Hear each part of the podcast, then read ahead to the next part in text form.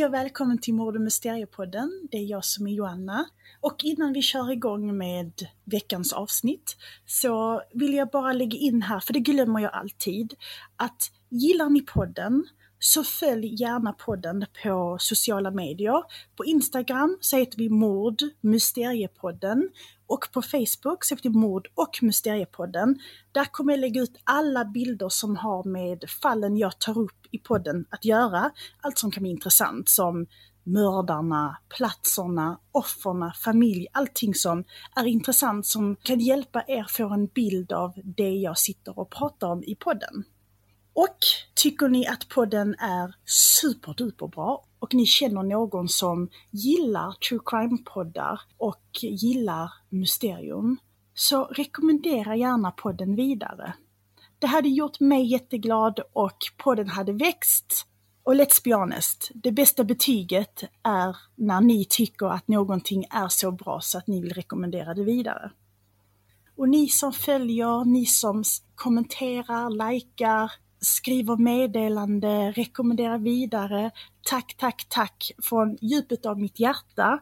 Ni gör att det blir roligt att fortsätta med podden när jag ser hur pass snabbt den växer. Så än en gång, tack så mycket!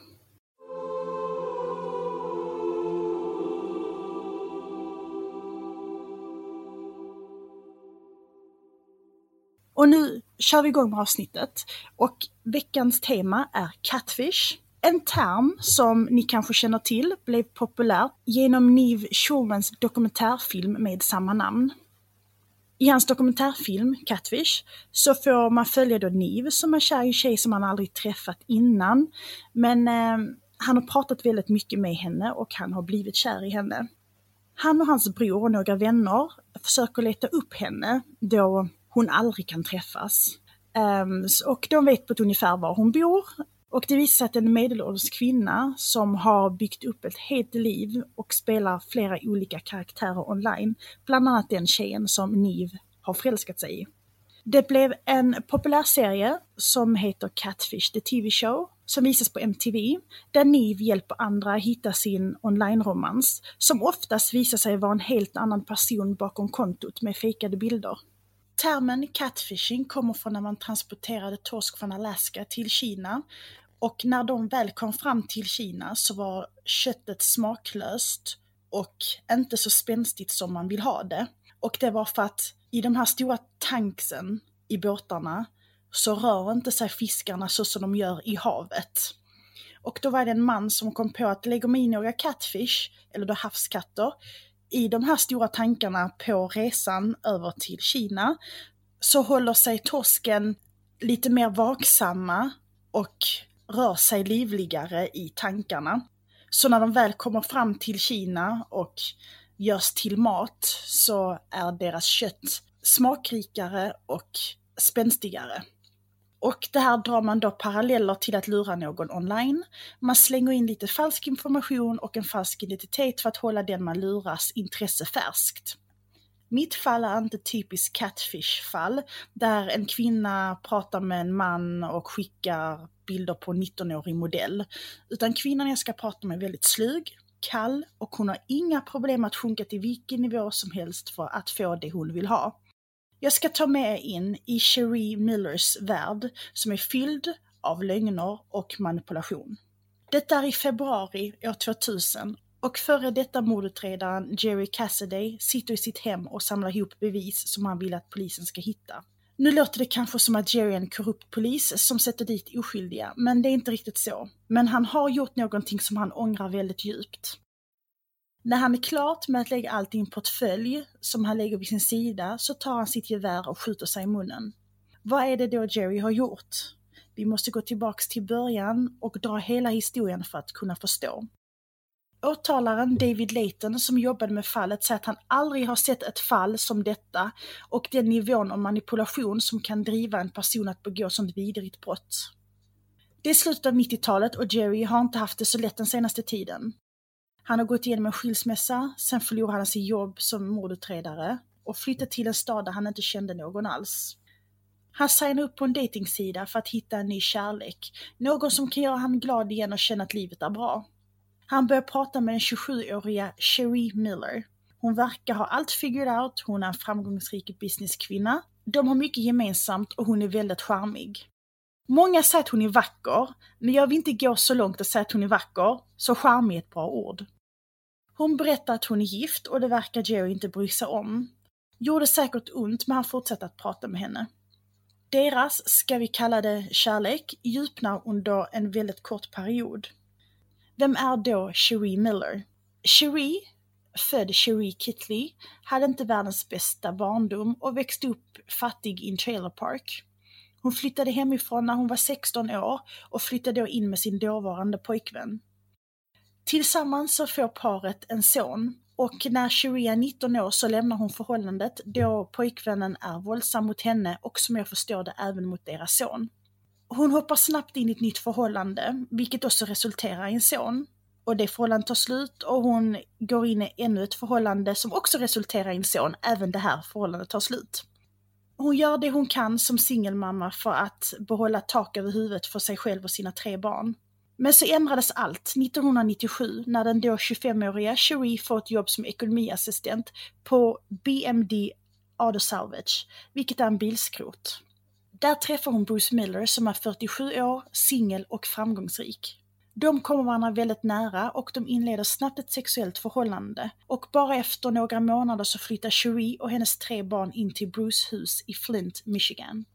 Bruce värld var en värld Cherie bara hade kunnat drömma om. Han bor i ett fint stort hus med en stor trädgård i ett fint område och han hade till och med en pool som hon älskade att se sina barn bada i. Tre månader efter att hon har flyttat in så gifter de sig. Och enligt Bruce bror Chuck så ska hon ha sagt att Bruce var det bästa som någonsin har hänt henne. De ska enligt alla som har träffat på dem vara ett lyckligt par. Men väldigt snart så började Bruce familjemedlemmar oroa sig lite för att Cherie börjar shoppa väldigt mycket och njuter lite för mycket av hans pengar. Så de börjar fråga sig själva. Älskar hon Bruce för Bruce? Eller älskar hon Bruce för hans pengar? Några av hans familjemedlemmar tar upp det här med honom och berättar att de är lite oroliga för honom. Fast att Cherie har slutat jobba som ekonomiassistent kort efter att de blev seriösa så började hon istället sälja Mary Kay Cosmetics. Så han tänker, varför skulle hon utnyttja honom för pengar när hon har en egen karriär som går bra? När Cherie började med att sälja Mary Kay så sa hon till Bruce att hon behöver en dator för att kunna hålla koll på försäljningar och ordrar och så vidare. Så Bruce köpte en dator till henne.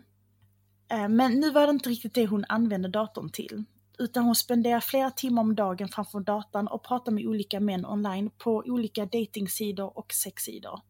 Bruce har en Nascar-resa inplanerad och säger till Cherie att istället för att sitta hemma så kan hon också åka iväg med en kompis och ha kul medan han är borta. Vilket Cherie tycker är en väldigt bra idé och hon kollar genast upp resor till Reno, Nevada. Cherie, under sitt användarnamn I want to be laid, har börjat prata med Jerry Cassidy, som jag nämnde i början, vars användarnamn är Reno Dudes. De klickar direkt och Cherie lägger mer och mer tid framför sin data.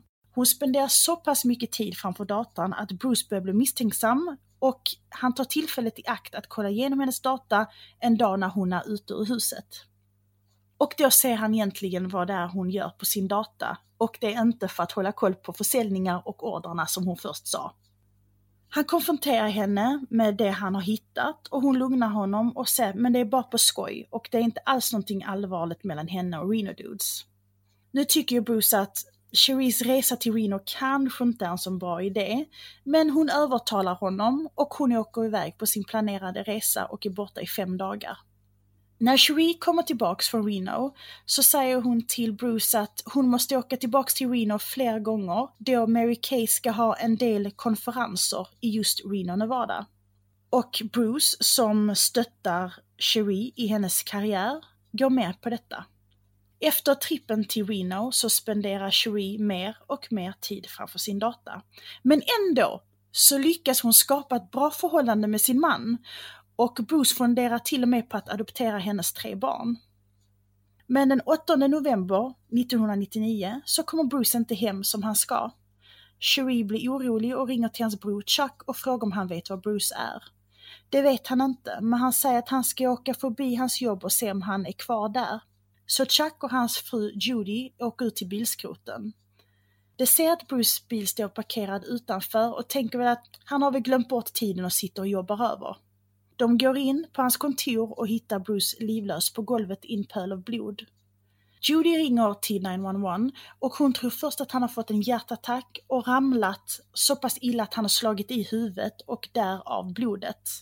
Men när polisen kommer ut så ser de direkt att Bruce har blivit skjuten av ett gevär i bröstet. När Cherie får reda på vad som har hänt så är hon förkrossad och i chock. Och det ser ut som att det är ett rån som har gått fel, då det var lite känt att Bruce har mycket pengar på sig och i sitt kontor så ska han ha haft ungefär 2000 dollars alltid.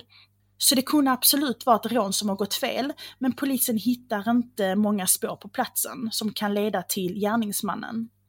Efter att Cherise, ska vi kalla det chock, har lugnat ner sig, så kan man se henne på en nattklubb i stan och enligt polisen så ska hon ha gjort sexuella saker på dansgolvet och det här är två dagar efter mordet. Och några veckor efter mordet så flyttar hennes nya pojkvän in i Bruce hus. Men heter man inte Scott Peterson så kan inte polisen göra någonting för att man inte bär i sorgkläder i sju år eller sörjer för resten av sitt liv. De har kollat upp Cheries alibi och hon sitter i telefonen hemma vid tiden av mordet. Så det kan inte vara hon som har skjutit ihjäl Bruce. Men trots detta då att Cherie har låtit sin nya pojkvän flytta in och det som hon har gjort på dansgolvet och sådär, så verkar det som att Cherie vill hjälpa polisen. Och hon säger att hon tror att det är hennes ex, John Hutchington, som var mördaren. För enligt henne ska han och Bruce ha grälat över att John har snott bildelar från Bruces skrot. Med brist på bevis så ser det ut som att John kan vara den skyldiga då han har ett motiv. Man tar in John på förhör och han nekar till att han har med det att göra. Man vill ändå göra ett lögndetektortest på honom. Och när man utför det här testet, så mitt under testet så får John en sorts episod där han stressar så pass mycket att han kollapsar och får åka till sjukhuset. Som ni kanske har gissat då, så klarar han ju inte det här lögndetektortestet för att det reagerar ju på en persons puls och när den stiger så gör den utslag att man ljuger. Polisen hoppas att man kan hitta någonting på honom och när man söker igenom hans lägenhet så hittar man varken mordvapnet eller något som kan koppla honom till mordet, typ blodiga kläder. Så man lägger det här på is. Tre månader senare, alltså i februari år 2000, så får poliserna i Flint, Michigan, in ett samtal från polisen i Kansas. Det är då där Jerry bodde när han tog sitt liv. Och de frågar om det är någon vid namn Bruce Miller i Flint, Michigan som har blivit mördad. Och då svarar Flint-polisen, ja absolut det har de. Och då säger Kansas-polisen att vi har en portfölj som ni bör kolla på. Och den här portföljen som Jerry förberedde innan han tog sitt liv. Och vad finns då i denna portföljen? I denna finns allt som visar på att Jerry blev grundlurad och trodde att Bruce stod i han och Cheries väg. Där ligger ett självmordsbrev till hans föräldrar som polisen lämnar över till dem. Och det finns ett brev till polisen där Jerry erkänner att han är den som sköt Bruce och han ber dem titta igenom allt som han har printat ut och lagt i portföljen. Polisen i Kansas hittar ett videoband där en kvinna dansar i sina underkläder till musik innan hon onanerar framför kameran.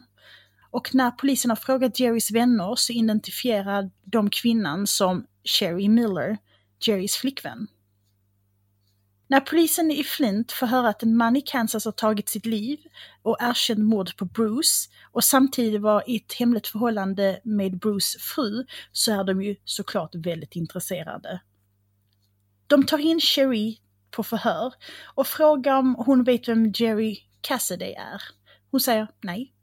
De frågar henne om hon någonsin har skickat nakenbilder till en Jerry Cassidy och hon skriker nej. Och de frågar henne om hon kanske skickat video där hon dansar runt naken. Och igen får svaret nej. Och då säger polisen att de har hittat det här videobandet och på det har hon skrivit “For Jerry's eyes only”. Alltså bara för Jerrys ögon. Och då säger hon att hon vet vem Jerry Cassidy är, trots allt. Men han är galen och de har aldrig träffats, bara pratat på nätet, inget annat. Såklart så vill polisen titta närmre på den här relationen som Cherie och Jerry hade. Med tanke på att de inte har så mycket leads, de har inte så många misstänkta, så kollar de ju igenom allt de får in. Eh, de beslagtar Cheries data och, och även Jerrys. De kopierar båda hårddiskarna och går igenom alla deras konversationer och bilder och sånt de har skickat till varandra. I deras konversationer så hittar de väldigt intressant information. Man förstår att de har träffats flera gånger i Reno och ni vet att hon skulle på alla de här eh, Mary Kay-konferenserna som hölls just i Reno, Nevada. Eh, det visade sig att det var inte så många konferenser där utan det var mer play and work. Enligt en av Jerrys vänner så ska han ha sagt att Cherie gör allt i sängen när de träffas på sina hemliga rendezvous. En älskare kan man väl ha utan att man är inblandad i sin partners mord. Och Cherie sa ju att Jerry var galen och hade blivit småbesatt av henne. Så kunde inte bara vara att han blev hooked på denna kvinnan och han tänkte om jag dödar hennes man så är hon min. Kan vara så, men när polisen tittar igenom hårddiskarna så ser de att Cherie har målat upp en helt annan bild för Jerry. Cherie har sagt att hennes man Bruce är med i maffian och känner många farliga män. Han misshandlar när han blir arg eller när hon försöker lämna honom. Efter några av deras flera hemliga möten så säger Cherie till Jerry att hon är gravid. Och att Jerry är den enda hon har varit med så att det är han som är pappan. Jerry blir såklart lycklig när han får veta att kvinnan han älskar väntar hans barn. Hon visar bilder på positiva graviditetstest och sen visar hon även bilder på ultraljud och sa till honom att de ska ha tvillingar. Men en kväll när de skriver till varandra berättar hon att Bruce fick reda på att hon väntade någon annan mans barn och att han hade slagit henne så pass mycket att hon förlorade båda barnen. Hon skickar bilder på sitt blåslagna ansikte och kropp. Detta gör ju både Jerry orolig och arg och han vill ju såklart skydda Cherie. Och han känner väl skuld att han inte lyckades skydda sina ofödda tvillingar. Men det Jerry inte vet är att allt är bara Cheries påhitt och manipulation. Cherie kan inte få barn då hon har fått sina tubes tied och det är när hennes äggledare har blivit strypta för att förhindra att ett ägg ska ta sig ner till livmodern och riskera att bli befruktat. Ultraljudsbilderna är från hennes senaste graviditet fem år tidigare. Men var Bruce så elak och misshandlade henne, för hon var ju faktiskt blåslagen på de bilderna som Jerry fick? Nej, inte riktigt. För på de bilderna så var det inte riktiga blåmärken, utan det var Cherie som hade målat dit dem med smink. Och så hittar man det som kopplar Cherie till den här mordplanen. Det finns flera konversationer om mord mellan de två. Cherie har sagt att hon ska uppehålla Bruce över telefonen och jag kan tillägga att luren låg bredvid hans kropp. Och det här tyckte polisen var lite konstigt, att han har suttit i telefonen och pratat med någon när han blev skjuten, men ingen har ringt in till polisen och sagt att de har pratat med Bruce och hörde ett skott och han sen slutade att svara. Så det makes ju sense då att det måste ha varit Cherie som har pratat med henne i telefon så att Jerry kan smyga upp bakom honom. Hon har även frågat Jerry om hans gevär låter mycket, vilket han inte skulle oroa sig för, för att det var jaktsäsong. Så om någon runt omkring skulle höra så skulle de bara tro att det var någon som var ute på jakt. Och hon berättar vart han ska gå in, vart Bruce kontor är och var pengarna ligger så det ska se ut som ett rån. Jerry ska ha trott en tid efter mordet att det skulle bli han och Cherie. Tills hon slutar svara honom och han får reda på att en annan man har flyttat in till henne och då fattar han att han har blivit lurad. Man anhåller Cherie och hon hävdar att hon är oskyldig. I hennes rättegång så är hon klädd i kläder hon aldrig brukar ha på sig. Hon är mer klädd som en bibliotekarie med glasögon, stor kavaj och lång kjol. Hon spelar rollen som en sörjande fru väldigt bra. Det tar tre dagar för juryn att komma överens om att hon är skyldig på alla punkter, bland annat för andra gradens mord och konspiration till mord på Bruce Miller. Hon får livstidsfängelse och får komma ut om mellan 54 till 81 år. Jag hoppas att ni tyckte att det här fallet var spännande. Om ni är intresserad av att se en film som är baserad på det här fallet så finns där en film som heter Fatal Desire. Och det är Eric Roberts som spelar Jerry Cassaday och Anne Heche spelar Sherry Miller. Och jag har sett den, det var så jag kom i kontakt med det här fallet för länge sedan. Och den är jättebra, den filmen. Och jag tänkte att nästa vecka ska jag ha ett ämne som jag har valt att kalla Till döden skiljer oss åt. Och jag kommer ha två fall eh, om kvinnor som mördar, Eh, män som de inte längre lever tillsammans med, som de är på väg att skilja sig ifrån. Så jag tror det kan vara rätt passande namn, tror jag.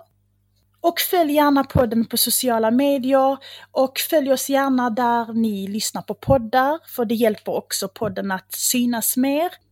Och rekommendera den gärna om ni tycker att den är värd att rekommendera. Och jag lovade att jag ska få ut ett spårlöst försvunnen fall till som egentligen skulle vara i förra avsnittet som jag hade men så blev mitt schema lite konstigt. Så den kommer komma ut denna veckan. Så tills dess så får ni ta hand om er själva och varandra så hörs vi snart igen. Hejdå!